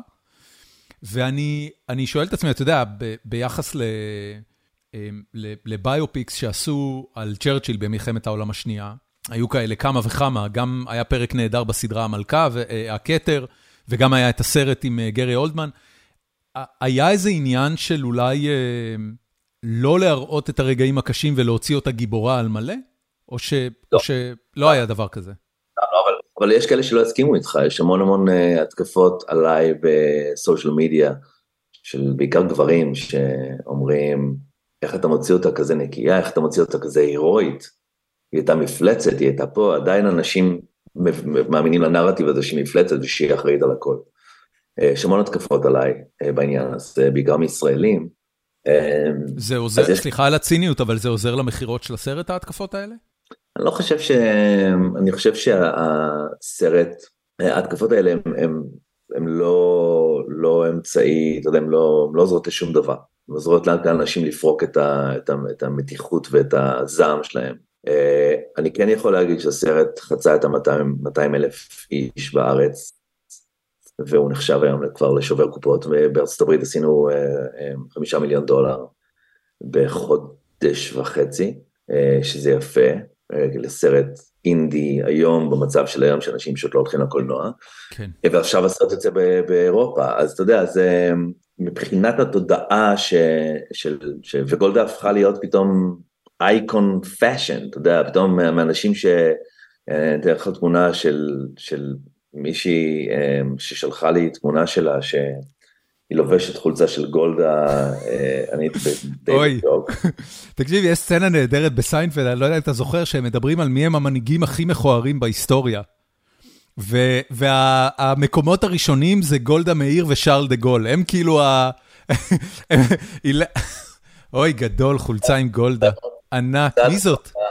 הופכת להיות חברה אה, טובה שבארוחת חג שלחה לי את החולצה, זה הפך להיות פתאום fashion icon. ברור. זה הצ'ה כאילו- גווארה של היהודים. סוג של... זה חולצת צ'ה גווארה של יהודים. כן, אז זה פתאום, אתה יודע, אז פתאום הלן ראתה את התמונה הזאת והיא אמרה, I want one. I want to wear it in one of the, you know, the fashion. אוי, זה יהיה נהדר. אם יש לך, תקשיב, אם אי פעם תהיה תמונה של הלן מירן עם חולצה של גולדה, אני רוצה לראות את זה. אני מבטיח לך לשלוח. תודה, תודה רבה. שאני כן שולח לך את החולצה הזאת עם הפרנזים של גולדה. גדול.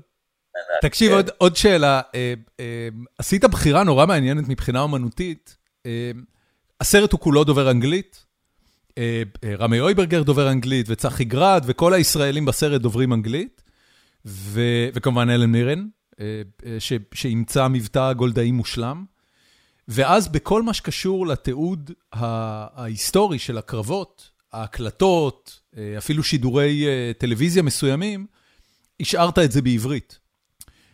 מה, מה היה השיקול שם? זאת אומרת, איך, איך הדבר הזה עובר קהל אה, בחו"ל? האם מקבלים את זה, לא מקבלים את זה? הוספתם כתוביות להקרנות בארצות הברית, או איך מתמודדים עם זה? תראה, ה-DNA שלי, שממנו לקחתי השראה, היה צ'רנוביל. הסדרה, המיני סדרת צ'רנוביל, שבעיניי היא יצירת מופת. אמ, מצחיק, זה, זה אותו יוצר שעשה גם את uh, The Last of Us. masterpiece מושלם, באמת.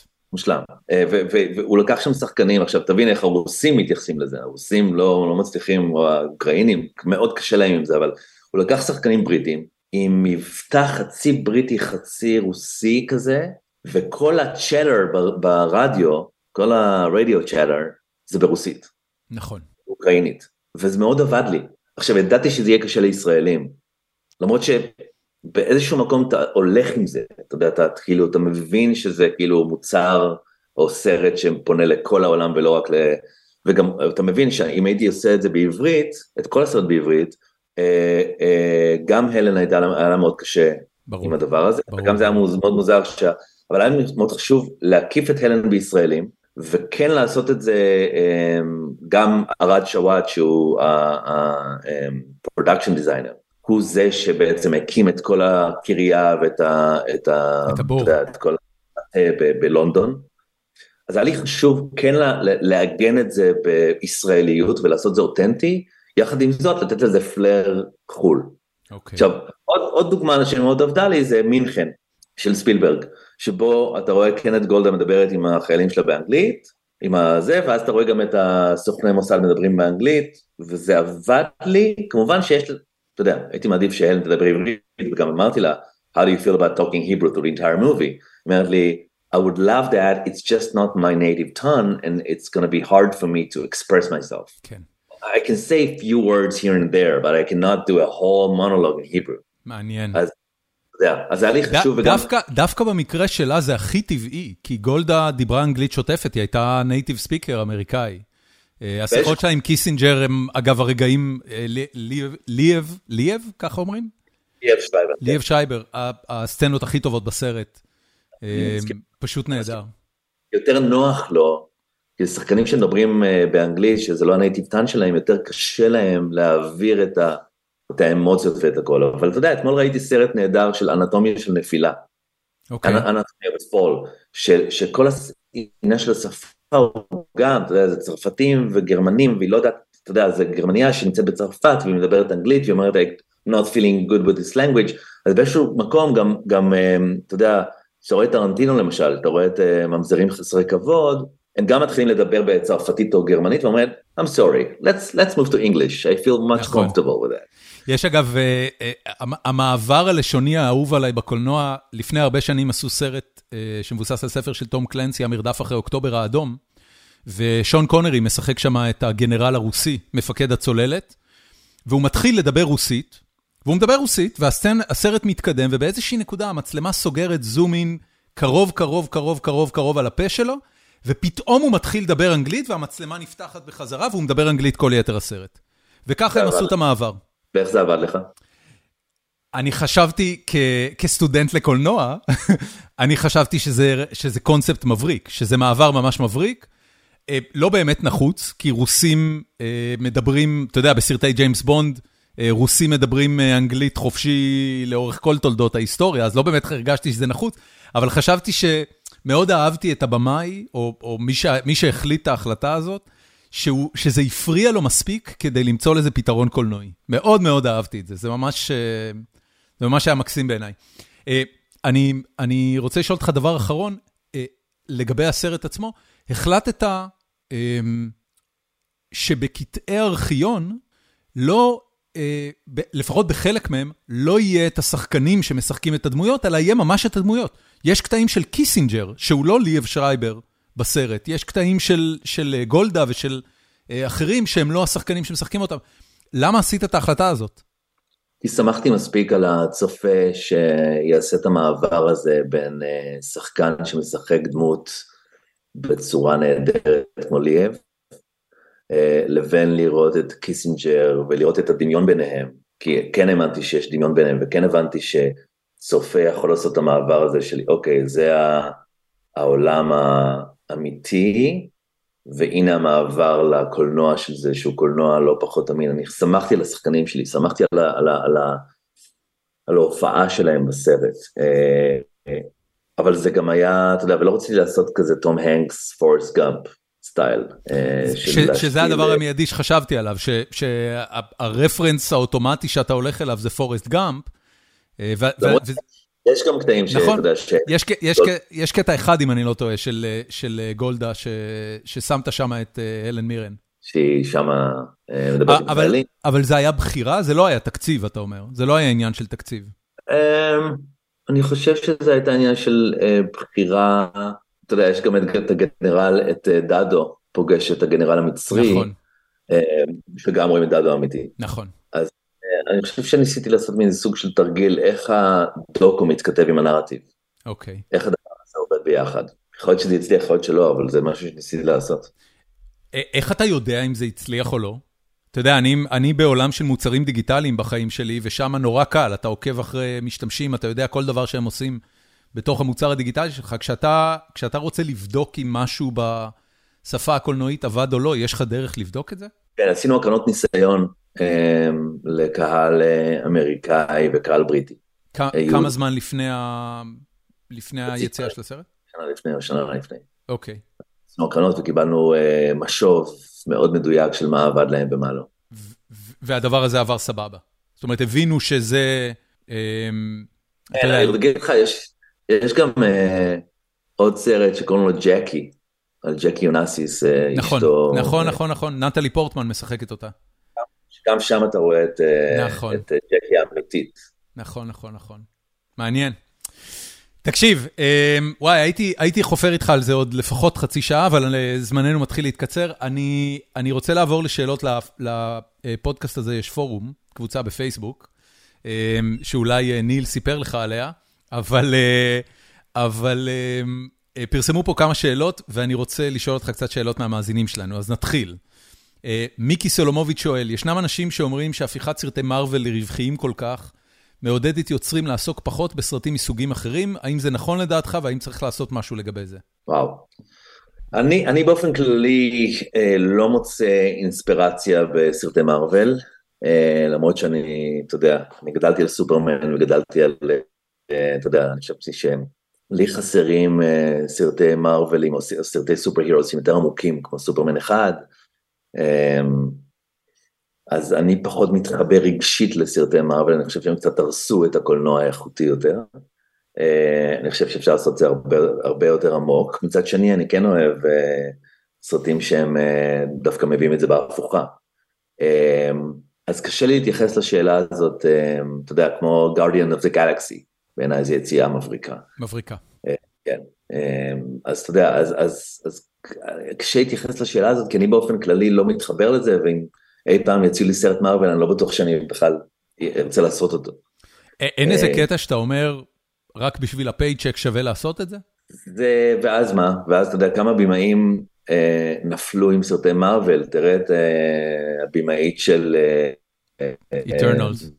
נומדלנד.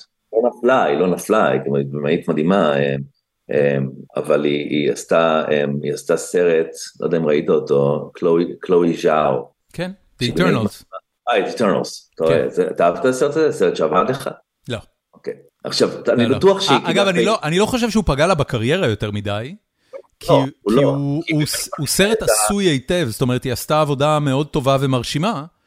אני חושב שהיו פשוט המון בעיות, גם בתסריט, גם המון דמויות חדשות, שחקנים חדשים שלא התלבש עליהם, כאילו היה מלא בעיות בסרט. אה, אני- היא לא זו ששלטה ב... ב... זה, אתה יודע, כשאתה עושה סרט מארוול אומרים לך, אוקיי, קודם כל אין לך, אין לך creative decisions, אתה, אתה ממש לא, אנחנו בחדר עריכה, לך אין final cut, ואתה לא, זאת אומרת, שכח מזה. למשל ג'יימי בל שהיה בסקין, סיפר לי על, ה, על, ה, על הבמאי המבריק ג'וש טרנק שעשה את פנטסטיק פור, וזה הרס לו קריירה. נכון. זה הפנטסטיק פור היה דבקל מטורף, ולקח לו זמן רב להתאושש מהסרט הזה, ו...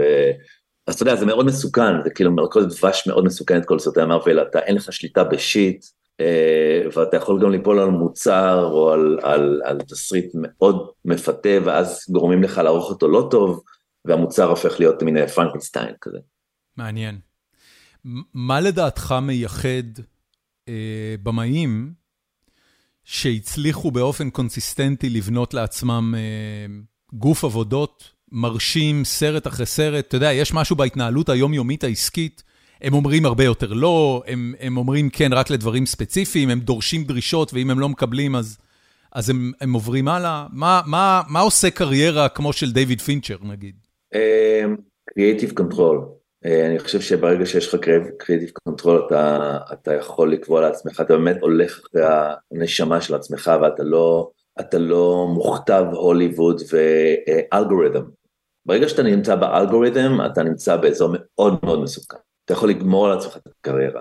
אחד מהבימאים האהובים עליי שאתמול ראיתי אותו באיזה הקרנה, אה, קוראים לו דיוויד לאורי. דיוויד לאורי עשה, התחיל את הקריירה שלו בסרט מאוד, ב-Ain't Them Bodies Saints, שהוא בעיניי סרט מבריק, ולאט לאט הוא, הוא בנה את עצמו ועשה ז'אנרים שונים, הוא עשה גם את Pete's Dragon, שהוא לא סרט superhero, אבל הוא סרט עם הרבה נשמה, ואחרי זה הוא עשה את Ghost Story, ואחרי זה הוא עשה את, אה, אתה יודע, The Green Knight, ו-The Green Knight בעיניי הוא יציאה מדהימה. אתה יודע, הוא, הוא סרט של, עם המון, יש לו את ה-DNA של, של superhero, אבל הוא לא, הוא הרבה יותר עמוק מזה. ופה זה עולם שהרבה יותר מעניין אותי, הוא עשה גם את Peter Pan and, שהוא, שהוא, אבל היה לו creative control, הוא מעולם לא, הוא גם, הוא גם כתב את התסריט. אם באים אליי ואומרים לי, שמע, תכתוב תסריט, ואתה יודע, אז יש לך שליטה על זה. זה. זה נורא מעניין מה שאתה אומר, כי אתה מצד אחד אומר, Creative Control זה מה שיציל לך את התחת בתור, בתור איש מקצוע, ומצד שני, כל, ה, כל התעשייה רק מסתובבת סביב פורמולה, ואתה אומר אלגוריתם, אבל בעצם האלגוריתם מבוסס על מוסכמות של דברים שעושים כסף, דברים שמביאים קהל. מצד שני, יש לך גם עולם יותר אינדפנדנט שמביא כסף. זאת אומרת, לא, דרך אגב, לא כל סטודיו יונק ממך את ה-Creative Control, זאת אומרת A24 זה סטודיו נהדר, שנותן לך את, ה- את הקנבס שאתה רוצה לעשות, ומאפשר לך לעשות את הדברים האלה. אם אתה הולך על יוניברסל, אז אתה, ווורנר בראדרס, אתה מבין שאתה בעולם שהוא מאוד מאוד, אה, אתה יודע, מסחרי. מאוד money maker, כן. אבל זהו, זה כן. נגמר שם. למשל, אני בטוח שב-Last of Us, לקריאייטר היה full control על הכל. אה, אני לא באמת יודע. תראה, אני, אני בטוח, קודם כל הסיפור של יצירת המשחק הוא סיפור נורא מעניין, הם, היו, הם נלחמו בהרבה תחנות רוח כדי להוציא את המשחק כמו שהם הוציאו. מרגע שהמשחק הפך לכל כך מצליח, זה המשחק הכי מצליח, אתה יודע, זה, זה כאילו היה אמור להיות ה-Secondary Project, הסטודיו שעבד עליו, בו זמנית עבדו על שני משחקים בכל רגע נתון, וזה היה אמור להיות ה-Secondary Project, זה שקיבל פחות אהבה והיה אמור לעשות פחות כסף, ו-ended up being המשחק הכי רווחי של הסטודיו אי פעם, אז מתוך המקום הזה, אה, ניל דרוקמן באמת, באמת קיבל את, ה, את ההובלה, והוא עשה את זה באמת עם זה שעשה את צ'רנוביל, זאת אומרת, ה, ה, הוא כבר ידע לעשות פוסט-אפוקליפטי, הוא ידע לעשות אה, אה, אפור וקודר. אה, טוב, נעבור, נעבור לעוד שאלות. אה, אמנון סיוון שואל, נגיד ולא היית מוגבל באף צורה מבחינת תקציב, ליהוק וגודל הפקה, איזה סרט היית הכי רוצה לעשות? אה, איזה סרט הייתי רוצה לעשות, זה כרגע אני יכול לדבר על, על, על באמת הלוח הזה שנמצא מאחוריי כרגע, שזה ממש ה-passion project שלי, זה על ה-first stunt woman in Hollywood. זו האישה הראשונה שהגיעה ככה בשנות ה-60, ה-70 וה-80, זה סאגה כזאת כמו Boogie Nights. אתה שומע אותי? בוודאי. הרמת לי. אה, אוקיי. אה, זה על האישה הראשונה שהגיעה להוליווד בשנות ה-60, ה-70 וה-80 ופשוט revolutionized the, the industry, אתה יודע, עד אז גברים לבשו פאות ושמלות ועשו את התפקידים של אנשים והיא פשוט באה עם bad ass women ופשוט נכנסה ועשתה את כל ה-Wonder Woman וכל ה... כל ה... אתה יודע, Charlie's Angels וכל זה, ה... זה וייבים חזקים של uh, Once Upon a Time in Hollywood? כן, אבל בהפוכה, כי כן. בגלל בהוליווד הגברים הם אה, לבנים מקסימים וחמודים, פה הם מסאז'ניסט, דרוג אדיקטס, ומאוד... אם הקשבת לספר, גם ב-Once Upon a Time in Hollywood, הגברים הם חארות, רק שטרנטינו מבסוט על זה, זאת אומרת, זה חלק מהכיף שלו. אבל כל הדמויות שלו הם אנשים איומים ונוראים. כן, אז אצלי האישה הזאת שהיא real person היום, היא כאילו עושה את ה-revenge שלה בגיל 78, אז תחשוב הלן מירן, ש... נוהגת במאנסטר טראקס היום, גדול. ופוגשת, אה, הולכת לדייט עם האיש שעשה לה blacklisting בשנת 80 ומשהו, היום הוא בן 78 והיא נוקמת את נקמתה. גדול. ואתה עושה flashbacks לשנות ה-80. אז, זה, אז שם הייתי רוצה את ה, באמת את התקציב הבלתי. בקיצור, אתה, אתה עובד על פרויקט החלומות שלך. כרגע, כן. יפה. אה, ניל בר רוצה לדעת מי הגיס המועדף עליך. ניל בר כמובן. יפה. Um, הנה ניל, אתה רואה, שאלתי, זה רק בזכות זה שהוא חיבר בינינו. אגב, הוא התאמץ לייצר את הפרק הזה יותר מכל בן אדם אחר בעולם, כולל אותי. איזה מלך. כן, כן, כן. יוחאי בן עמי שואל, לו היית קרן הקולנוע, קרן הקולנוע הישראלי, מה היו העקרונות לפיהם היית פועל? חופש אמנותי מוחלט, ללא דת, גזע, מין או אה, ראייה פוליטית. כי היום סרטים כמו פוקסטרוט, לבנון, ולסים בשיר. אה, אני, אני אעצור אותך ואני אשאל אותך, כי זה נורא מעניין אותי. אם היו שואלים אגב אותי את השאלה הזאת, לו הייתי קרן הקולנוע הישראלי, מה היו העקרונות, זה בעיניי צריך לסגור את קרן הקולנוע הישראלי. אז אני, אני רק רוצה לשאול, בישראל יש הרבה מאוד אנשים שלא אוהבים את סוג הקולנוע שקרן הקולנוע הישראלי מממנת, ו, ואין מתאם ישיר בין התמיכה של קרן הקולנוע הישראלי לבין מכירת כרטיסים בקופות בהרבה מקרים. והתוצאה של הדבר הזה זה שהרבה אזרחים במדינת ישראל שואלים את עצמם, למה אני צריך לממן את השיט הזה מהמיסים שלי? ובואו לא ניכנס לכמה שיט אחר מדינת ישראל מממנת, כי זה לא העניין בעיניי. האם, האם בכלל אה, צריכה להיות קרן קולנוע ישראלית? לא מספיק שפשוט יעשו סרטים ישראלים ואנשים יבואו לראות אותם? אה, אני לא מבין, זאת אומרת, ה-system בארץ הוא system שלא מושתת על private equity. זה לא כמו בהוליווד שבעצם אנשים פרטיים או studios מממנים סרטים. המקום היחיד שבעצם אה, מממן סרטים זה הממשלה, הם מזרימה כספים לקרנות קולנוע, ואנשי קולנוע uh, קוראים תסריטים ומחליטים uh, ב- ביחד um, האם, האם התסריט הוא מספיק ראוי לקבל תמיכה כספית. אי אפשר אחרת מבחינת הסיסטם הישראלי, זאת אומרת, כי גם באירופה, שאתה רואה צרפתים, בריטים, כולם בעצם עובדים על קרנות קולנוע. קרנות הקולנוע הם בעצם הצינור שמסנן אה, תסריטים לא טובים, או תסריטים שלא מקבלים תמיכה. אין, אי אפשר אחרת, זאת אומרת, זה לא, זה לא כמו, אתה יודע, בארצות הברית. למה... למה מדינה של שמונה מיליון בני אדם, שרבים מהם הולכים לקולנוע כל שבוע וכל חודש, זאת אומרת, בתי הקולנוע בישראל לא אה, אה, פושטים רגל, הם, הם חיים ושורדים ומשגשגים. למה, למה זה לא מספיק כדי שהמגזר הפרטי, אנשי עסקים, אה, שוחרי אומנות וחובבי קולנוע, אה, יממנו את הקולנוע? אני, אני, אני לא בטוח שאני מבין את זה. אני אגיד לך למה. אה, קודם כל, אין לך מספיק אנשים עם, עם קודם כל אנשים לא עושים את זה, אנשים לא שמים עכשיו מיליוני דולרים על סרטים ישראלים. אה, אלא אם כן אתה באמת אדרי שהוא חלוץ בתעשייה שבאמת שם את כספו על, על הפקה של סרטים אה, ישראלים, כמו למשל הסרט של ארז תדמור, בחורים טובים, הוא לגמרי מוצר שאדרי השקיע בו. נכון. עכשיו, זה לא נכון מה שאתה אומר, כי אני חושב שכאילו סרטים ישראלים כן מביאים תוצאות בקולנוע, תראה את סרטי אבי נשר, תראה את, אה, את ה... זאת אומרת, יש המון בלוקבאסטרס ישראלים.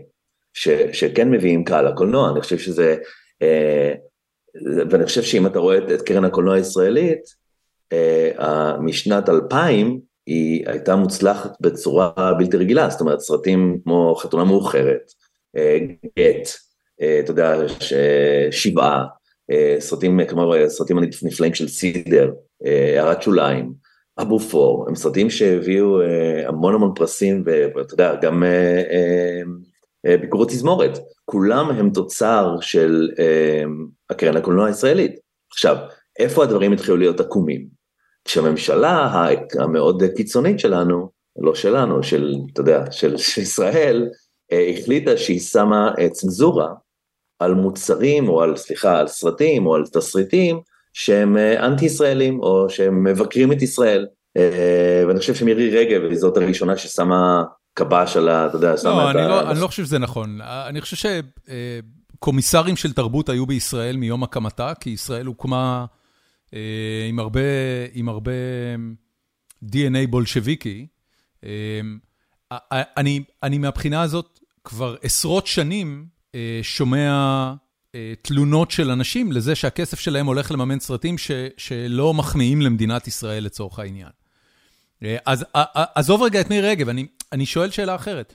האם בעיניך אין היתכנות לקולנוע ישראלי מסחרי בלי שהמדינה תממן אותו, בלי שכספי מיסים ילכו אליו? כי מרגע שהכנסת כספי מיסים, אז אתה נותן לממשלה את היכולת להשפיע על התוכן. המקום היחיד שבו הדבר הזה קורה בעולם, זה בארצות הברית. באמת, לבריטניה בארצ... אין תעשיית קולנוע עצמאית? זה רק מימון ממשלה? כולם במימון ממשלתי, או ה-BBC, או lottery. אתה יודע, אבל כולם בסופו של דבר מקבלים כסף ממסד, אה, מהממסד. אה, גם בשוודיה, גם ב, אתה יודע, בטורקיה, או גם ב... זה, זה, זה, זו בעיה. עכשיו, המקום היחידי בעולם שיש אנשי עסקים שיש להם קהל, דרך אגב גם, גם בסין אתה לא, אתה לא יכול לעשות אה, סרטים שהם לא, גם ביפן יש, יש אה, קרן לקולנוע יפנית. Uh, המקום היחיד שזה קורה זה בארצות הברית. מעניין. לכן קולנוענים רוצים לעשות את זה בארצות הברית. אוקיי. אמ, עומרי טנצמן שואל, אה, איך הייתה העבודה עם קאסט מעורב של שחקנים ישראלים ובינלאומיים? היה נפלא, אמ, אני חושב שכאילו אמ, היה חיבור נהדר בין הלן לבין אה, אה, השחקנים הישראלים, הרגיש חלק מה, יקרא לזה Tribe of Actors, My Boys יקרא להם, זה היה מאוד, חיבור מאוד מעניין. גם קמיל קוטון, השחקנית הצרפתייה שגילמה את העוזרת, את היא, היא גם הייתה נהדרת, אה, היה, היה נפלא לעבוד עם כולם, היינו במשפחה כזאת של, של לחודשיים, אה, והיה נפלא. איפה זה צולם? בלונדון. ואיך זה, זה, זה, אני מניח שלישראלים היה מלון ליד? לא, לא בלונדון, זה היה מין שעתיים מלונדון בוומבלי, שזה מין אה, עיירה שבעיקר יש בה את האצטדיון הענק ומבלי, אבל אה, אה, עשינו את זה בבית ספר אה, הודי נטוש, עם קירות ענקיים כאלה, פשוט השתלבשנו עליו והפכנו אותו לישראל שנת 73. מעניין. אגב, אני, אני, אם יש לי איזושהי, אם היה לי איזשהו קושי שראיתי את הסרט, הפריע לי מאוד שהכל היה נקי. זה כאילו, הסתכלתי על זה, אתה יודע, יש שם אה, סצנה אה, של גולדה עומדת מול הארונות מתים, שכנראה מגיעים ממצרים או מאיפה שזה לא יהיה. וזה היה סצנות פשוט נקיות, ואמרתי, אוקיי, זה, זה מרגיש כל כך לא אינטואיטיבי לישראל שנת 73, שאם יש משהו שהיה בה בשפע זה אבק. כולם נראים כל כך נקיים, אפילו דדו שמגיע מהחזית נראה נקי. נכון, אני חושב שזה הפרובלמטיות לצלם בלונדון, אני חושב שאם היינו מצלמים את זה בארץ, לדוגמה, אה, היה לך את האבק הזה. נכון. אה, אני חושב, אני חושב ש... זה בוודאי לא מפריע, אגב, למי שלא ישראלי.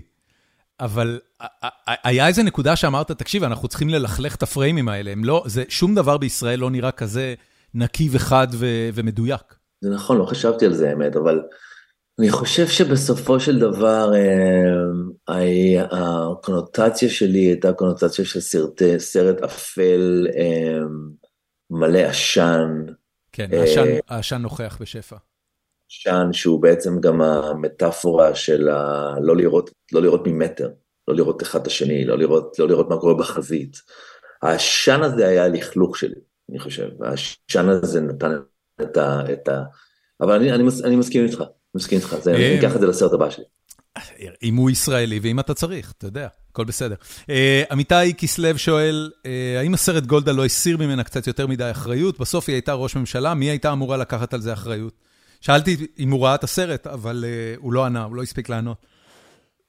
אה, אני לא, אני לא חושב שהיא לא אחראית, אני חושב שהיא לוקחת אחריות, ואני חושב שהיא גם, אנחנו מדברים על, ה, על, ה, על, ה, על הדברים הבעייתיים שלה, זה שהיא לא הקשיבה ל, אה, ל, ל, למה שאתה יודע, אמ, זמיר אומר לה, היא לא האמינה לאנג'ל, לסוכן אמ, המצרי, היא אמרה, Oh, וולף, וולף, speaking וולף, וולף, אתה יודע. זה שהיא אומרת, אני, אני לא הקשבתי לתחושת הבטן שלי, היא אומרת את זה לוועדת הגנה, זאת אומרת, היא כן מודה בטעויות שלה, היא כן מבינה, היא גם אומרת, אני לא, לא מבינה בצבא, אני לא מבינה בשום דבר צבאי, זאת אומרת, אנחנו לא ממש מוציאים אותה עכשיו אה, פה, מדה תרזה. כן. אה, אמ, ראובן קרסיק, אמ, שואל, הנרטיב של המלחמה בישראל ובעולם נראה אחרת, וגם היום הסכסוך הישראלי-ערבי הוא נושא רגיש בעולם. האם היה קשה לאזן את התדמית של ישראל בסרט? אה, האם היית צריך להתעסק בהסברה? אני חושב שהוא מתכוון לזה שישראל של 73 במידה רבה יוצאת אה, דוד מול גוליית, וישראל, הדימוי שלה היום בעולם הוא ממש לא דוד מול גוליית, הוא בדיוק להפך, מול הפלסטינאים. והשאלה אם זה משהו שאתה נתקל בו בהקרנות של הסרט, או שהיית צריך להסביר אותו. נתקל בהמון אה, פלסטינים שזועמים על הנרטיב הציוני, so called. אה, אני מבין אותם. יודע, יש המון אה, הפגנות אה, של פלסטינים מחוץ לבתי קולנוע באנגליה. אה, אני נתקל בתגובות קשות בסושיאל מדיה מפרו-פלסטיינס. שואלים אותי למה אני לא מראה את הצד המצרי, זאת אומרת זה נושא נפיץ מאוד, זה, אין ספק שזו נגיעה בעצב חשוף לחלוטין. מה זה אומר להראות את הצד המצרי? מהו הצד המצרי של הסיפור הזה, חוץ מזה שהם תקפו ראשונים ובסוף חטפו בומבה? יש כאלה חשבו שאני צריך עכשיו לחתוך לשוטים של פיקוד מצרי ולהראות את הדילמות של החיילים המצריים עם סאדאת. מישהו פעם עשה את זה? מישהו הציג את, ה... את מלחמת יום כיפור מהזווית המצרית והסורית? לא, זה מעניין מאוד לעשות את זה. כן. לא אני, אבל אתה יודע. זה, זה, אה, זה, זה מעניין מאוד ולא לא ציוני מספיק. אני, אני חושב שזה אה, מעניין, כי סאדאת אחרי זה עשה שלום אה, ונרצח על השלום הזה, והם רצחו את המנהיג שלהם לפני שפה בארץ רצחו את המנהיג שלנו, ואני אומר פה בארץ, שם בארץ. זה גם עבורי וגם עבורך. אבל, אבל לא, לא ראיתי אף פעם יצירה תרבותית מצרית שמספרת על סאדאת. ואני, וזה יהיה מרתק לראות איך הם רואים את זה מהצד שלהם. כן. יצא לך לדבר עם מצרים? כאילו בתחקיר דיברת עם מישהו שהיה בצבא המצרי שראה את מלחמת יום כיפור מהצד המצרי? אבל אני אשמח לעשות את זה. כן. טוב, זהו, עד כאן שאלות. גיא, חוץ מלעקוב אחריך בסושיאל מדיה, מתי הסרט הבא שלך יוצא? סטטמי, הסרט הבא שלי שהוא כבר הציג בפסטיבל ונציה ועכשיו אנחנו טסים איתו לטוקיו, International Film Festival, יצא ב-2024. מה אתה יכול לספר עליו? מה אתה אומר? מה אתה יכול לספר עליו? זה, סיפ... זה בעצם שיתוף פעולה ראשון של, של במאי ישראלי עם במאית איראנית בשם זארי אברהימי, שהיא גם שחקנית נהדרת, שזכתה בכאן לפני שנתיים עם הסרט של ה-Holy Spider. זה סרט על ג'ודוקה איראנית שיוצאת לזכות בזהב באליפות העולם בגיאורגיה. והיא נאלצת לפרוש, או מאלצים אותה לפרוש, כשבעצם מבינים שבאיזשהו שלב היא תפגוש את הישראלית, את הג'ודוקה הישראלית, היא מקבלת פקודות, המאמנת שלה מקבלת פקודות מה, מהממשלה האיראנית, והג'ודוקה מחליטה למרוד ולא לשמוע להם, כשבעצם המאמנת לא יודעת איך להחליט ומה לעשות, כשבעצם כל המשפחה שלהם בסכנה בזמן התחרות. משחקת את הג'ודוקה הראשית, משחקת אריאן מנדי, שחקנית מדהימה איראנית. כל הצוות של השחקנים האיראנים הם איראנים גולים, שיצאו משם בשנתיים האחרונות. תסריטאית בשם אלהם ערפני כתבה את זה איתי ביחד, וזה סרט שצילמנו אותו עם קשת אינטרנשיונל. עדי עזרוני, מנדי ואשתי גם הפיקה את זה, ג'יימי ריין יומן, וזה מוצר שאנחנו מאוד גאים בו, זה סרט שאנחנו מאוד גאים בו, והוא פוליטיקל ת'רילר. זה משהו שאתה כתבת אותו מההתחלה, זאת אומרת, זה סיפור שלך? הוא סיפור שלי ושל אלהם, שברגע שהתחלנו לראות ספורטאיות איראניות שמורדות, במשטר האיראני, הבנו שיש פה איזה משהו שאנחנו רוצים לתקל אותו בשפה הקולנועית. האנשים שיצרו את הסרט הזה, זה מעמיד אותם בסכנת חיים? הם כבר בסכנת חיים, כן, הם, הם בסכנת חיים בגלל שהם משת... הם יצאו להגנת מסה המיני וכל בעצם ה-wave של הנשים האיראניות, אתה יודע, המורדות במשטר האיראני, הם, הם, הם באמת בסושיאל מדיה מאוד מאוד uh, uh, about it.